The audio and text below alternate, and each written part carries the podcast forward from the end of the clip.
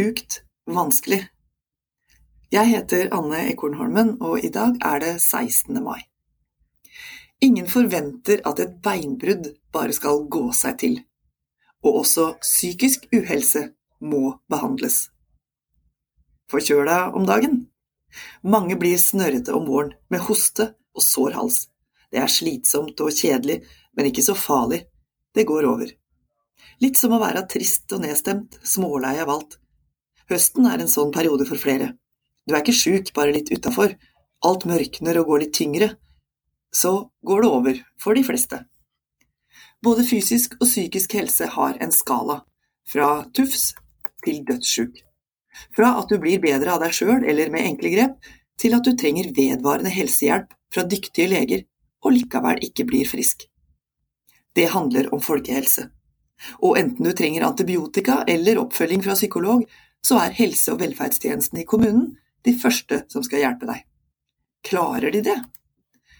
Klarer kommunepolitikere å knyte opp den samla sekkeposten for rus og psykisk helse, og faktisk prioritere økonomiske midler, dedikere ansatte og stable tiltak på beina som fanger opp dem som trenger det? Aller helst før det virkelig går utforbakke. Det skal du spørre dine folkevalgte om før du går til stemmelokalet i september. Hvilke politiske partier tar psykisk helse på alvor, gjør mer enn å prate varmt og makter å sikre innbyggerne psykisk helsehjelp? Første skritt bør være å koble rus og psykisk helse fra hverandre. Det er ingen automatikk i at den som sliter med mental uhelse også har et rusproblem. Tvert imot kan en som trenger helsehjelp for psykiske plager, bli dårligere av å omgås dem som sliter med rus. Andre skritt bør være å jobbe med forebygging og beredskap. Sånn vi tenker om fysisk helse. Det beste er jo at folk ikke blir syke i det hele tatt. Vi prøver å unngå både beinbrudd og diabetes så godt vi kan, og jobber stadig med å finne løsningen på snikende diagnoser som fibromyalgi og kreft, helst før det rammer. Psykisk uhelse kan være en slags livsstilssykdom. For noen bunner det i ensomhet, utenforskap eller mobbing, for andre arbeids- og prestasjonskrav, den overveldende følelsen av aldri å strekke til. Noen kjenner kroppspresset verst, med standarder for vellykkethet ingen kan leve opp til. Alle utsettes for glansbilder i sosiale medier som pirker og gnager på falmende sjølbilde og sjølfølelse. Sitat det finnes gode tilbud om hjelp hvis du har psykiske vansker. Ta kontakt med kommunen du bor i, fastlegen din eller annet helsepersonell. Får du hjelp tidlig, er sjansen større for at du blir bedre. Sitat slutt. Fra Helse-Norges nettsider. Det høres jo enkelt ut, men sikkerhetsnettet er fullt av høl. Skolehelsetjenesten for ungdom består mange steder av én ambulerende ansatt med kontortid mellom 12 og 14 annenhver onsdag. Sosial- og miljøarbeidere er i manko, og utekontakten blei avvikla etter budsjettkutt for fem år siden.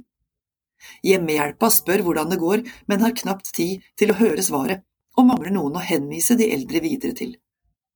Hvordan skal omgivelsene se det som kanskje ikke er synlig? Og hvem er det sitt ansvar å oppdage? Frisklivssentralen skal bidra til både fysisk og psykisk helse, den er skåret inn til beinet og årlig nedleggingstrua på grunn av en kommunal kamp om midler. Alt som ikke er lovpålagt, står laglig til for hogg i skrinne kommunekasser. Det gjelder for så vidt også områder som er lovpålagt, ifølge Generalistkommuneutvalgets rapport Likt ansvar, ulike oppgaver. Flere interkommunale samarbeid i helsetjenesten kan være én vei å gå for å slutte å slåss om fagfolka, for å øke tilgangen og kutte ventelistene på BUP og psykolog. Kanskje må kommunen droppe ansettelsen av næringssjef og i stedet fylle de tomme stillingene som helsesykepleier, og sikre at det er noen i andre enden av telefonen. Mens både heltidskultur og arbeidslinja er gode, grunnleggende prinsipper, kan de bidra som en stein til byrden for dem som allerede sliter. 300 000–400 000 mennesker veit at de ikke klarer å stå i 100% jobb. De risikerer å bli offer for utenforskapet, uten et sikkerhetsnett for psyken. Det er mye beredskap i fellesskap. Mye friskliv i deltakelse.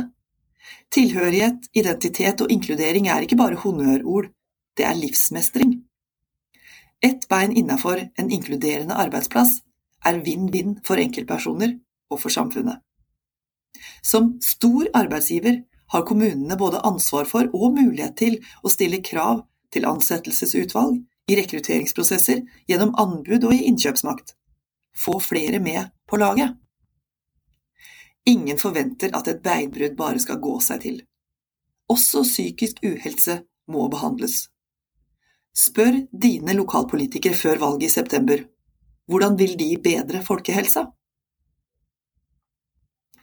Nå har du hørt Nasjonen på øret, og jeg heter Anne Ekornholmen. Hvis du vil høre flere av våre kommentarer lest opp, så finner du dem på nettsidene våre nasjonen.no, eller der du hører dine podkast.